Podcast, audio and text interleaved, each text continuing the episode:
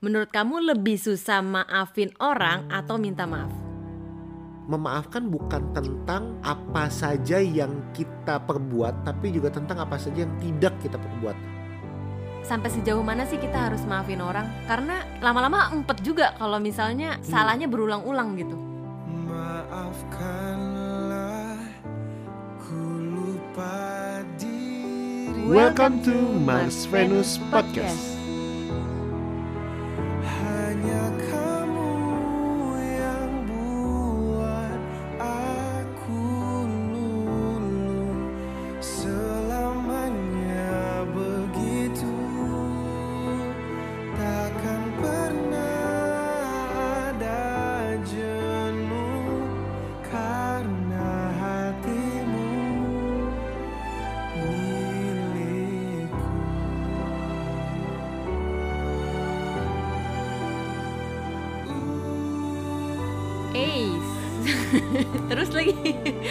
Kita kagok mau mulai podcastnya. Siapa dulu nih yang Mulai dari ngomong? mana nih? Ya mau mulai dari mana nih ya? Segala macam pembukaan udah dicoba sih ya. Iya kita udah di bulan Februari nih beb. Bulannya Aduh. apa? Bulannya kasih sayang sih katanya. Cuilah kasih sayang, bukannya bulan duit ya, Imlek. Berapa tahun ini? Padahal bulan Februari itu Imlek ya. Kita lumayan nih. Eh kita Kita nggak bisa nih. Kita kan udah ngasih, bukan kita yang Iya, dapat lagi. Berarti kita lumayan berat. Eh, eh, tapi makanya kita udah nggak mau mengenang Imlek lagi nih guys. kita mau mengenangnya hari kasih sayangnya aja deh. Tapi bingung gak sih kenapa bulan Februari dibilang sebagai bulan kasih sayang? Kayaknya ada sejarahnya deh. Dulu aku pernah baca cuman lupa. Apaan? Serius? Ada, ada. Nanti deh kita baca deh Beb abis Ketahuan podcast gak ini. riset. eh tapi menurut aku eh, lucu aja sih. Padahal kan di Maret kalau nggak salah ada yang namanya White Day kan. Iya. Kena White Day kan juga sebenarnya hari kasih sayang gak sih? 14 Maret itu kan saat cowok nggak eh cowok kan ya? Saat Cowok Cewek kasih cowok. cewek kasih cowok. Harusnya sih gitu setahu aku. Iya, Valentine. maksudnya itu kan juga juga kasih sayang kan, hari kasih sayang kan. Tapi kenapa di Bombardir. bombardir bahwa Maret itu adalah bulan kasih sayang cuma Februari doang gitu. Hype-nya turun beb. Kayak penjualan coklat tuh udah ya udahlah udah cukup sebulan aja. Coklat atau bunga pokoknya jualan di Februari aja ya. Iya iya iya. Tapi nih ya ngomongin hari Valentine, Hmm. ada tips khusus gak sih supaya hubungan hubungan ini lebih langgeng? Cielah langgeng. Karena bukannya kita mempercayai Februari itu hari kasih sayang gimana banget gitu ya. Cuman dalam rangka hari kasih sayang, kita pengen ngebahas sesuatu hal kecil yang mungkin sering di skip sama orang-orang yang udah lama pacaran. Dan Waduh. sebenarnya ini tuh penting banget untuk kelanggengan hubungan kita semua. Sebenarnya di posisi mana pun nih hubungan kita hal ini nih terkesan kecil tapi eh, impactnya tuh gede banget. Iya. Yaitu adalah forgiveness. Jadi Forgiveness. kita mau bahas nih satu hal kecil yang impactnya tuh bisa mengubah kelanggengan eh, hubungan kita menjadi lebih baik lagi. Namanya adalah forgiveness. forgiveness ini sebenarnya kayaknya perlu kita lakukan hampir setiap hari lah ya. Setiap saat. iya karena gini loh, kalau menurut aku sih ya, yang namanya pasangan tuh pasti ada ngeselinnya dal- dalam satu hari. Hmm. Nah mungkin hal-hal kecil itu ya nggak berasa lah ya yang namanya maafin ya udahlah itu mah jadi hal yang wajar. Tapi yang mau kita coba bahas di sini adalah memaafkan hal-hal yang menurut kita tuh udah nyakitin hati ya. Beb. Hmm.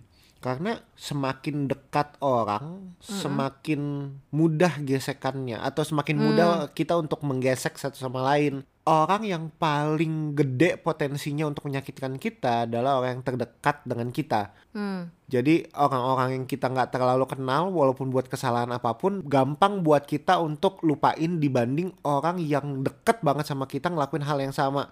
Susah banget untuk kita lupain gitu loh. Makanya semakin deket orang, semakin mudah untuk menggesek, semakin mudah untuk saling kecewa, saling marah. Makanya tindakan memberi maaf maupun memaafkan ini menjadi hal yang sangat esensi ya dalam sebuah hubungan. Iya benar. Makin deket orang memang kita biasanya gampang terluka sih. Makanya kita paling sering cekcok bukan sama temen yang gak deket, tapi sama orang-orang deket kayak mungkin orang tua.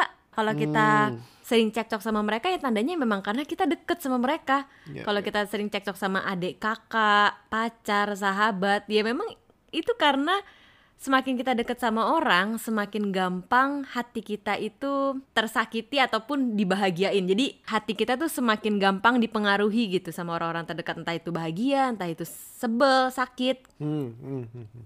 Nah makanya berhubung ini bulan kasih sayang yang tadi kita bilang, jadi Cie. diulang-ulang terus ya. Padahal yang dengerin belum tentu Februari.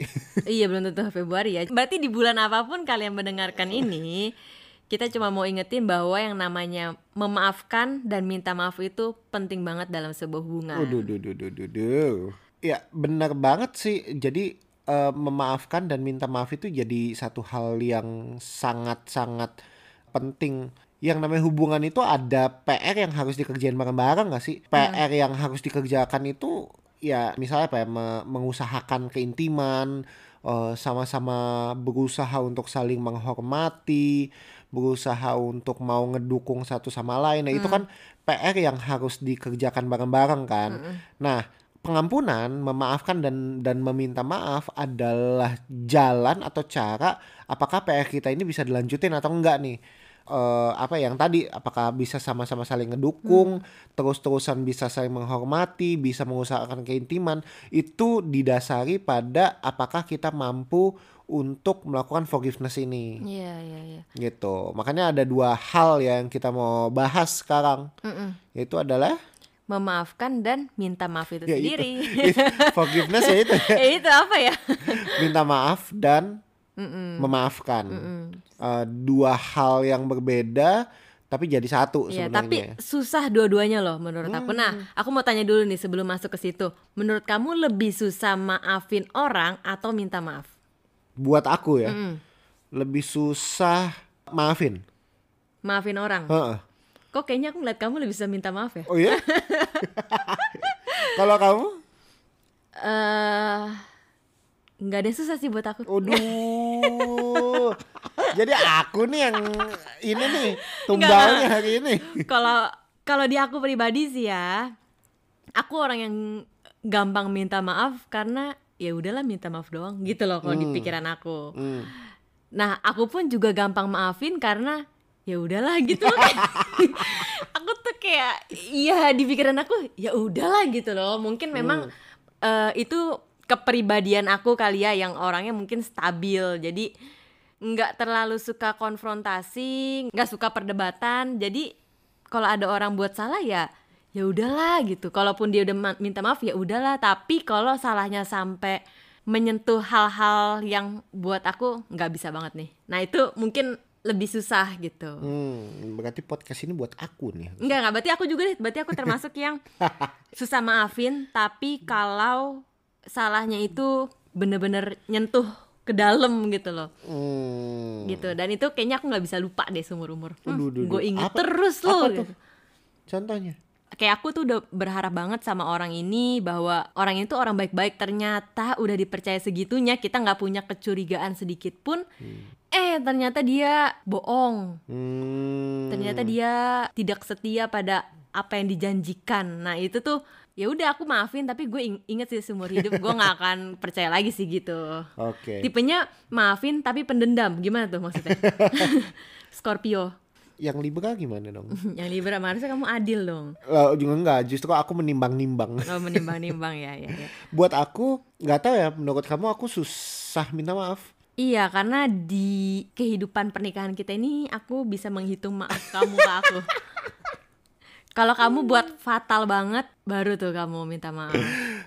Nggak mungkin karena budaya. Hmm, nah Eh, itu dia. Aku tidak merasa susah minta maaf, tapi tidak mau terkesan maaf itu murah.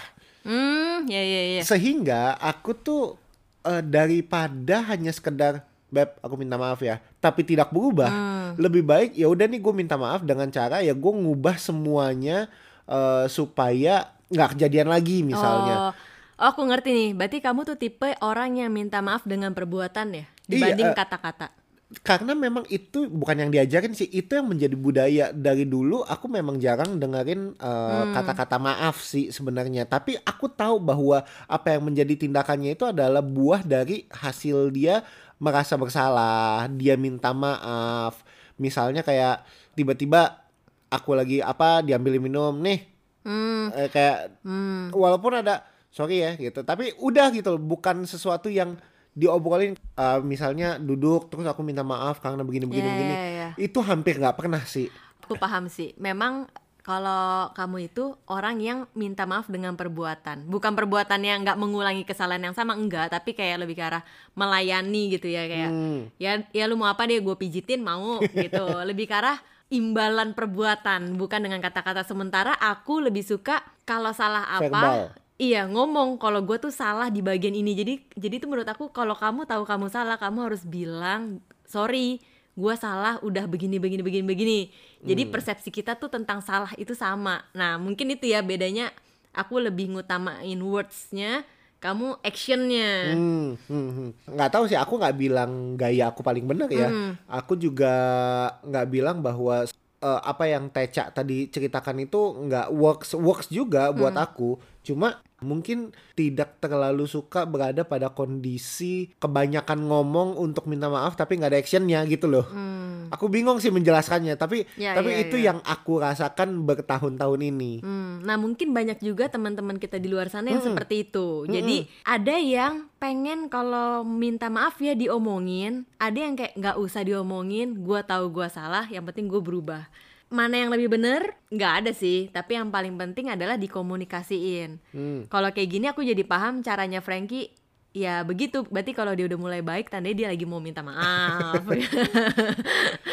Iya Gitu. dan aku kan jadi sering dengar kan kalau misalnya kamu lagi ada berbuat kesalahan ya aku jadi de- sering dengar bahwa ya udah uh, aku minta maaf gitu. Jadi Iya. ada ada words yang keluar dari kamu ya aku aku ngerti bahwa oh ya udah ini orang uh, emang tahu dia salah dan dia minta maaf gitu. Ya udah. Nah ini lucu juga nih. Kadang kalau aku yang salah terus aku minta maaf ya, "Eh, beb aku minta maaf. Hmm, cuma gitu. Karena dia bukan tipe orang yang pakai kata-kata Loh, ya. kan tadi aku bilang lebih susah maafkan. Oh iya benar, itu ter- terbukti ya. Aku nggak salah dong. Iya iya iya, oke oke oke. Tapi tapi kondisi minta maaf eh, setiap orang beda-beda. Tapi memang gimana caranya kita tahu bahwa dia sungguh-sungguh minta maaf itu harus dikomunikasikan sih. Iya benar. Bukan masalah minta maafnya, Hmm. tapi masalah how to express your sorry. Hmm. Karena ekspresi maaf setiap orang beda-beda, apalagi berasal dari latar belakang budaya yang juga beda-beda. Mm-mm. Nah, kalau kalian misalnya pacaran mau masuk ke jenjang pernikahan atau mungkin masih belum banyak ngobrolin soal pernikahan deh di pacaran, ya kalian mau budaya apa nih di hubungan pacaran kalian? Budaya seperti apa nih? Kalau emang ngelakuin kesalahan langsung minta maaf eh, atau it's okay dengan dengan action karena memang orangnya kayak gitu, tapi at least kita ngeh nggak dia sebenarnya minta maaf, dia sebenarnya Menyesal. menyesal sama apa yang dia lakukan. Kita ngeh nggak dan kita coba appreciate nggak apa yang dia lakukan. Mhm. Aku menggarisbawahi banget sih apa yang kamu bilang. Kita appreciate nggak sih kalau dia sudah minta maaf atau sudah merasa menyesal. Kadang-kadang tuh yang kita lakukan adalah udah dia minta maaf, udah dia menyesal, kitanya makin mojokin dia gitu. Kayak ya makanya udah dibilangin sih kayak gini gini gini. Hmm. Iya kamu tuh juga kemarin gini gini gini malah dicecar gitu. Yeah. Nah itu tuh ya sebenarnya orang yang salah tahu kalau gue tuh salah lu nggak perlu ceritain lagi salah gue di mana gue udah tahu gak usah diulang-ulang itu tuh bikin kesel Hmm. buat orang yang udah berani minta maaf yang perlu kita lakukan adalah ya appreciate permintaan maaf dia dan penyesalan dia aja sih Hmm. Jadi mungkin kita bahas dulu dari minta maaf ya Mm-mm.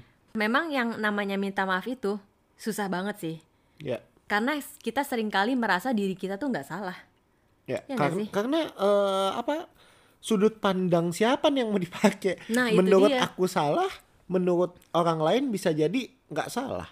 Menurut aku nggak salah, orang lain bisa jadi bilang salah salah. Mm-mm.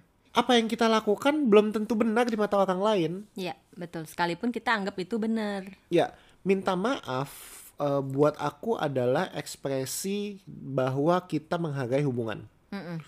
sehingga bukan tentang benar atau salah, bukan lagi tentang gue yang benar atau lo yang benar, Mm. tapi lebih ke arah eh, bagaimana kita mau meredam kondisi yang tidak enak eh, dengan cara ya pada akhirnya minta maaf dan berubah dan menjelaskan apa yang sebenarnya terjadi sehingga kondisi yang sama tidak terulang lagi dan kondisinya jadi lebih baik. Hmm, hmm. Supaya kita bisa lebih rela untuk minta maaf, kita tuh harus menyadari bahwa dalam setiap masalah bukan cuma satu orang yang salah, tapi ada dua belah pihak yang bersalah.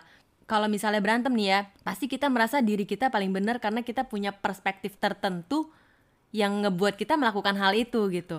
Nah dari sisi dia dia juga punya perspektif lain, selalu punya pemikiran bahwa kalau ada masalah, yang salah itu bukan cuma dia atau bukan cuma gue, tapi kita berdua. Ya. Sekalipun itu salahnya cuma 50-50 atau 60-40 atau 10-90, ya.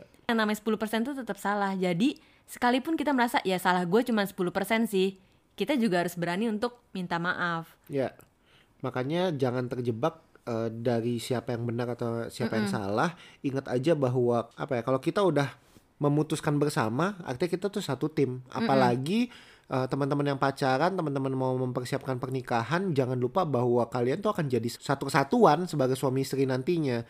Eh, belajar dari eh, proses hubungan pacaran misalnya Hmm.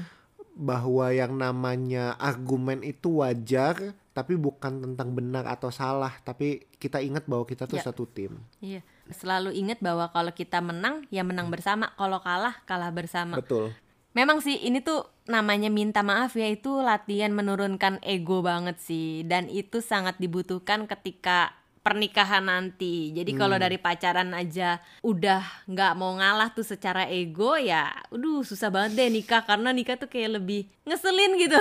aduh apalagi dengan kondisi yang sekarang nih covid ini memaksa suami dan istri itu harus bersama setiap saat.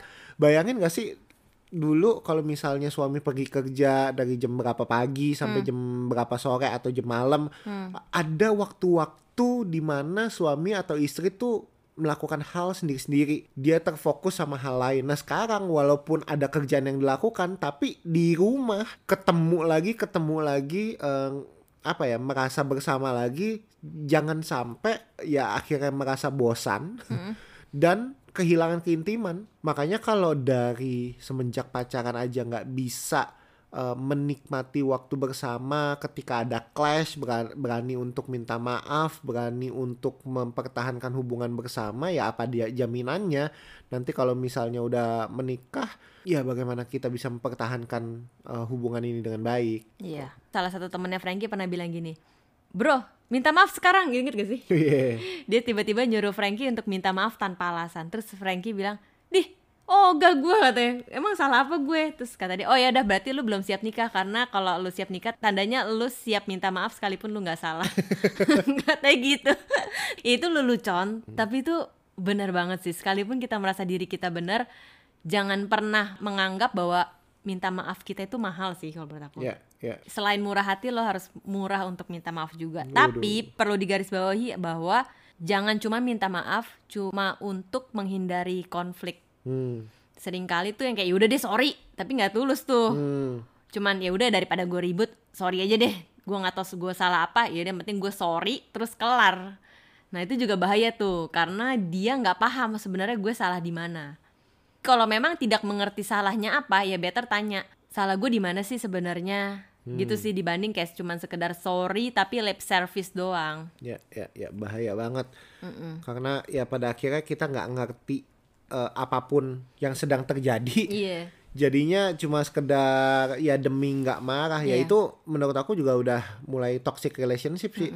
Toxic relationship nggak cuma sekedar kata-kata toxic yang keluar ya, tapi ada gini gini gini. Menarik nih tiba-tiba keinget. Memaafkan bukan tentang apa saja yang kita perbuat, tapi juga tentang apa saja yang tidak kita perbuat. Jadi artinya toxic relationship bukan hanya uh, apa yang toxic kita lakukan, tapi misalnya kita nggak lakukan hal yang benar itu juga bisa jadi toxic loh. Misalnya harusnya kita melakukan uh, minta maaf yang tulus, kita harusnya ngomongin baik-baik apa yang uh, sedang terjadi. Tapi kita nggak ngelakuin itu, yang kita lakuin ju- justru malah menghindari. Udahlah ya udah sorry, ya udah sorry sih. Gue kan udah bilang sorry. Nah yang kayak gitu menurut aku toxic sih jadinya, karena tidak tidak membuat hubungan itu menjadi lebih sehat tidak berusaha untuk mengusahakan ya keintiman itu sendiri mengusahakan progres dari hubungan Jadi minta maaf itu harus tulus ya, walaupun susah. walaupun susah. Oke, itu untuk minta maaf. Seberapa penting minta maaf ya? Penting banget sih, Hmm. gitu. Pertanyaannya adalah eh, mungkin ini yang bisa jadi topik bahasan nih kamu sama pasanganmu gitu. Apa yang membuat minta maaf sulit atau eh, bagaimana kita mengekspresikan rasa maaf kita? Apa jangan-jangan yang ada beberapa orang kayak kayak gua gitu, kayak aku yang susah untuk bukan susah justru eh, menghindari duduk untuk ngobrol maaf ya sekarang justru yang harus ditanyakan ke pasangan adalah apa yang membuat kita atau salah satu dari kita misalnya sulit meminta maaf Ya. Apa sih yang membuat kita enggan meminta maaf misalnya? Atau justru ada cara-cara yang dilakukan berbeda sama pasangan kita atau mungkin sama kita yang perlu dibahas? Sehingga komunikasi mengenai bagaimana cara kita mengekspresikan minta maaf itu bisa dimengerti satu sama lain. Ya, ya, ya. Berarti intinya ngomongin ya, gimana cara kita mengekspresikan minta maaf itu sendiri dan sebenarnya apa sih yang bikin kita tuh sulit untuk meminta maaf. Oke. Oke, abis ini kita juga perlu obrolin nih kayaknya, Beb. PR.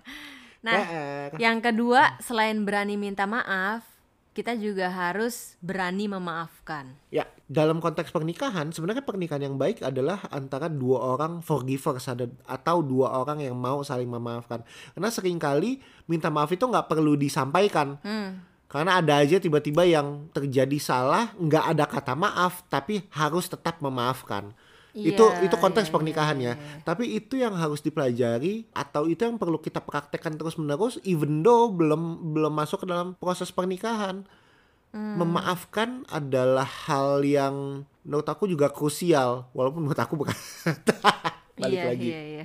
Memang sih memaafkan itu berat ya. Apalagi kalau yang dilakuin salahnya itu lagi, itu lagi. Nah, itu tuh aku. Nah itu tuh Emang salah aku apa sih Beb? Tapi gini loh Kalau misalnya cuman sekedar salahnya kecil ya Wajar ya. Itu mungkin Sifat atau habit. Kalau menurut aku nih Memaafkan yang ringan adalah Memaafkan habit seseorang. Tapi yang sulit adalah Memaafkan karakter seseorang. Itu tuh berat sih. Ya, kalau misalnya habit tuh kayak cuman sekedar oh ya lupa tutup pintu ketinggalan mulu nih handphone di rumah tiap kali kita mau pergi kayak gitu. Lupa ngabarin. Itu tuh habit-habit kecil yang kayak ya udahlah gitu nggak usah sampai ribut gede banget. Itu tuh memaafkan yang masih ecek-ecek. Tapi kalau memaafkan yang udah mulai berat adalah karakter. Kayak misalnya ketidakjujuran dia. Hmm, terus dia ternyata pernah selingkuh. Hmm. Kalau suka telat habit atau karakter? habit. Bisa diubah. Eh, Janjian jam 7 selalu datang jam 9. Ya, tapi kalau udah sepanjang pacaran begitu terus, ya udah itu karakter, Karakter. sih. Bukan bukan karakternya telat tapi batu aja tuh orang dikasih tahu nggak bisa, nggak mau berubah gitu ibaratnya. Ya, ya, Nah, ya. menurut kamu beb, sampai sejauh mana sih kita harus maafin orang? Karena lama-lama empet juga kalau misalnya salahnya berulang-ulang gitu. Hmm. Yang harus dimaafkan adalah kondisi itu lagi itu lagi yang tadi kan Iya, kamu bilang benar. kan. Sampai sejauh mana? Hmm, buat aku sampai sejauh kamu bisa tahan. buat aku ya. Oh, iya, iya. Buat aku loh. Yang namanya memaafkan itu sesuai sama value-nya kita, sesuai sama apa yang bisa kita tanggung. Hmm, Contoh benar, nih, benar, benar. Contoh, eh, telat mulu buat kita kita bisa tanggung sampai aku ketemu loh ada temen aku yang menikah yang karena udah ngerti banget suaminya tukang telat jadi dia kalau janjian sama temen yang lain misalnya jam 9 dia akan ngomong sama suaminya jam 8 Iya, iya, iya. karena dia udah begitu tahu bahwa suami gue tuh tukang telat dan dia bisa terima sampai sejauh yang dia bisa tanggung. Tapi kalau misalnya udah bohong sedikit aja dia nggak bisa tanggung karena buat dia integritas nomor satu. Sehingga dia sulit banget untuk memaafkan kebohongan. Tapi sejauh karakter yang tukang telat atau sebatu itu tukang telatnya dia masih bisa tanggung, ya dia akan tanggung terus. Makanya ada ada beberapa orang yang mau memaafkan. Ini menurut aku eh, salah satu yang menurut aku toksik yang nggak perlu dilakukan ya. Tapi that's true ini ada. Eh, ada orang yang merasa bahwa dia bisa nanggung kekerasan fisik. Dia eh, dikata-katain kadang-kadang dipukul sampai beberapa mungkin biru-biru. Dia merasa dia bisa nanggung. Tapi as we know apa yang ditanggung itu sebenarnya melebihi apa yang seharusnya dia tanggung. Jadi dia itu em, merasa bahwa ya udah nggak apa-apa lah dia mungkin bisa berubah dia bisa berubah. Padahal itu kita udah tahu eh, kondisinya itu sangat merugikan dia. Secara fisik ya dan secara mental dia kena hati-hati kalau kita terlalu memaafkan Hmm. pada kondisi-kondisi yang sebenarnya nggak normal Memaafkan itu tergantung value kita gimana ya. Ada Hmm. beberapa yang memang tahan dengan sifat seperti itu, ada yang enggak. Nah itu memang balik lagi ke diri kita masing-masing. Gue masih bisa nggak ya maafin yang kayak gini? Tapi tahu batasan sih menurut aku Hmm. yang tadi loh eh, ngerasa bahwa memaafkan adalah sejauh yang kita bisa tanggung. Buat aku itu poin yang penting dalam memaafkan Sejauh bahwa yang sejauh yang kita bisa tanggung tuh beragam banget loh. Ada yang bilang bahwa eh, ya ngebohong-ngebohong kecil nggak apa-apa lah. Tapi ada yang bilang ngebohong kecil adalah ya bohong. Ya. Ya lo nggak bisa tanggung kebohongan ya nggak apa-apa. Berarti susah buat lo untuk memaafkan kebohongan. That's your value. Cuma kita harus tahu batasan bahwa eh, kalau kita mentoleransi kebohongan-kebohongan kecil dan dia tetap melakukan kebohongan besar dan tetap kita toleransi, berarti ada yang salah sama kita. Kalau cuma sekedar eh, sekali dia nggak sengaja misalnya apa ya mukul tangan kita, mungkin kita masih bisa tanggung. Tapi kalau udah berkali-kali sampai kita harus nahan biru, lebam, bahkan kadang-kadang nampar muka dan kita mentolerir, artinya ada yang salah sama kita. Kita yang harus tahu nih batasannya apa.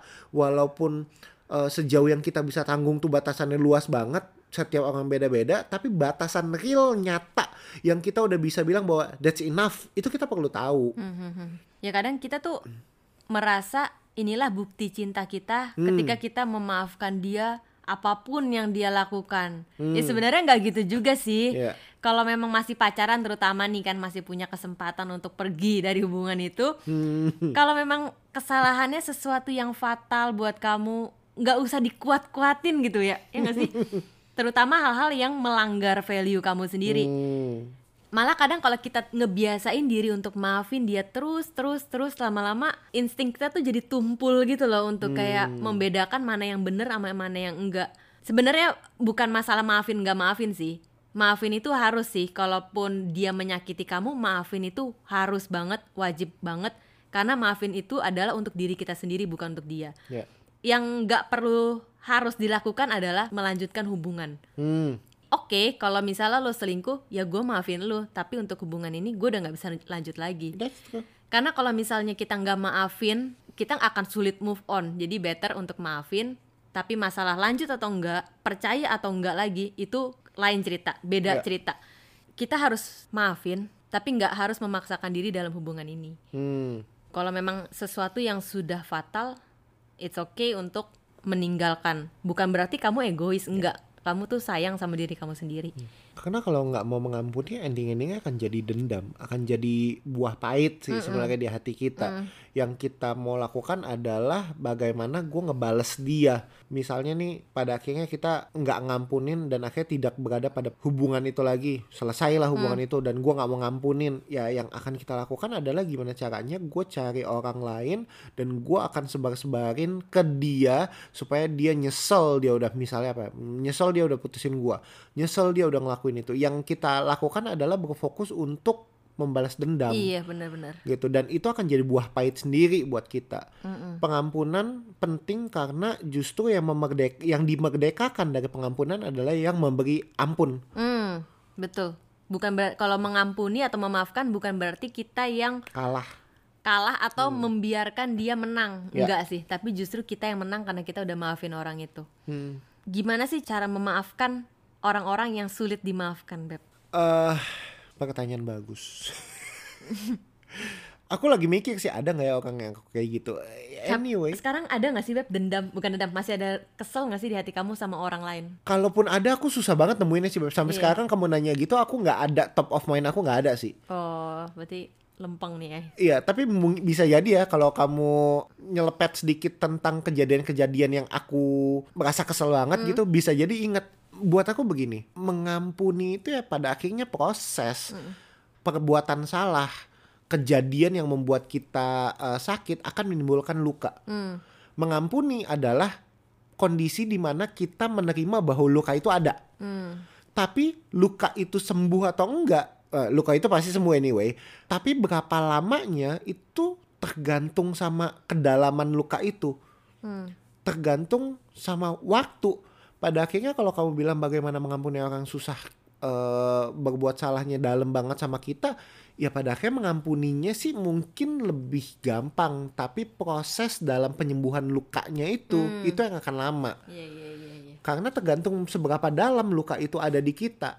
Kita mengampuni sih bisa aja kayak ya udah I forgive you dengan kondisi eh, tenang dengan kondisi merasa bahwa ya udah gue terima lo buat Ya, kayak gitu ya. ke gue, gue terima gue punya konsekuensi luka and I forgive you itu selesai itu. Tapi lukanya ada, proses penyembuhannya lama. Nah itu yang kita perlu terima Proses yaitu menyembuhkan luka itu sendiri. Pro- proses. Mm-mm. Tanda bahwa kita udah maafin seseorang bener-bener maafin sampai lukanya sembuh ya adalah ketika kita mengingat kejadian itu kejadian itu bisa bikin kita tertawa bukan nangis lagi gitu. Ya, Memang yang namanya ngelupain itu nggak mungkin sih kayak tadi Frankie bilang luka mungkin bekas lukanya masih ada tapi lukanya udah sembuh. hmm, Kita nggak mungkin lupa sama kejadian itu karena kalau lupa namanya amnesia ya nggak mungkin tapi kita bisa maafin dan sembuhin luka kita.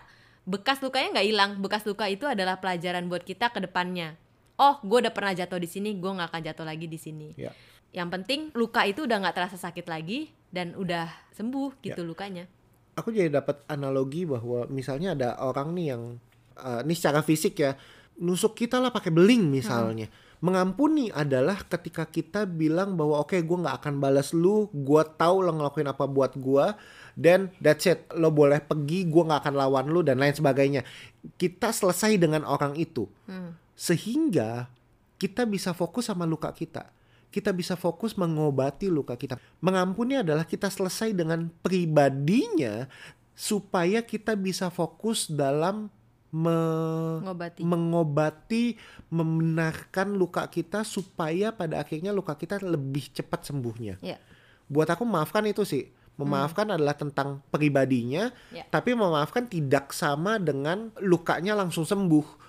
Makanya memaafkan adalah proses di mana kita kemudian bisa berfokus pada menyembuhkan luka kita. Sekalipun setelah kita memaafkan kita nggak meninggalkan orang itu bisa jadi ya. Ya, ya. Kan pasti ada hubungan-hubungan yang perlu dimaafkan dan dikasih kesempatan lagi.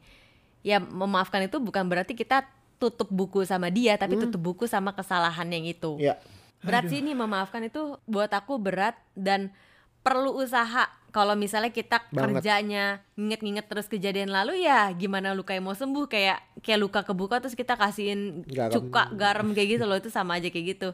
Jadi better ya kita fokus untuk sembuhin luka itu dan kalau kita udah menyakiti hati pasangan kita sampai dia sulit untuk memaafkan kita ya kita harus bisa mengerti bahwa yang namanya luka itu butuh waktu untuk sembuh. Jadi kalau misalnya dia nggak percaya sama kita dalam jangka waktu tertentu, kitanya nggak boleh marah. Memang karena kitanya salah itu konsekuensi yang harus kita tanggung. ya, Yang perlu kita lakukan adalah ya temenin dia sembuhin lukanya. Dengan apa sih ya dengan membuktikan bahwa gue tuh sebenarnya bisa dipercaya, bahwa gue tuh bisa berubah. hmm, Ya intinya konsekuensi sih. Kalau memang eh, lu udah buat salah yang keterlaluan dan dia mau maafin lu dan dia mau terima lu lagi, Hmm. kasih kesempatan kedua, konsekuensi lo yang berbuat salah adalah ya lu harus siap waktu dia inget-inget kesalahan lu lagi, lu harus siap ketika lu disalah artikan lagi. ya. Jangan kaget kalau dia kemudian masih ngungkit-ngungkit, terus eh, jangan defensif dengan cara bilang, lo kan gue diminta maaf. Nah itu. Beda loh. Eh, lu udah ngomong minta maaf sama ketika dia masih dalam proses penyembuhan luka. Itu dua hal yang berbeda. Ya. Gitu. Makanya jangan jangan jangan eh, menggunakan peluru. Tapi kan gue diminta maaf. Ya, lu minta maaf bukan berarti lukanya, lukanya langsung sembuh, sembuh, kan. iya. Dia maafin lo tapi lukanya nggak sembuh itu aja sih. Ya. It's good thing kalau misalnya kita masih punya second chance. Mm-mm. Ya, kesempatan kedua is a good thing. Jadi jangan gunakan peluru tapi kan gue diminta maaf. Nah, Ya. itu jangan. Ya ya ya. Tahu diri dikit lah ya. Kasihan banget dah. gitu. Oke, Jadi semoga- apa hubungan-hubungan yang mungkin lagi di ambang-ambang kekesalan, ambang-ambang gua lanjut nggak ya, gue maafin dia nggak ya, masih layak nggak sih dia dimaafin? Dalam hubungan pasti ada yang namanya berbuat kesalahan itu pasti ada sih.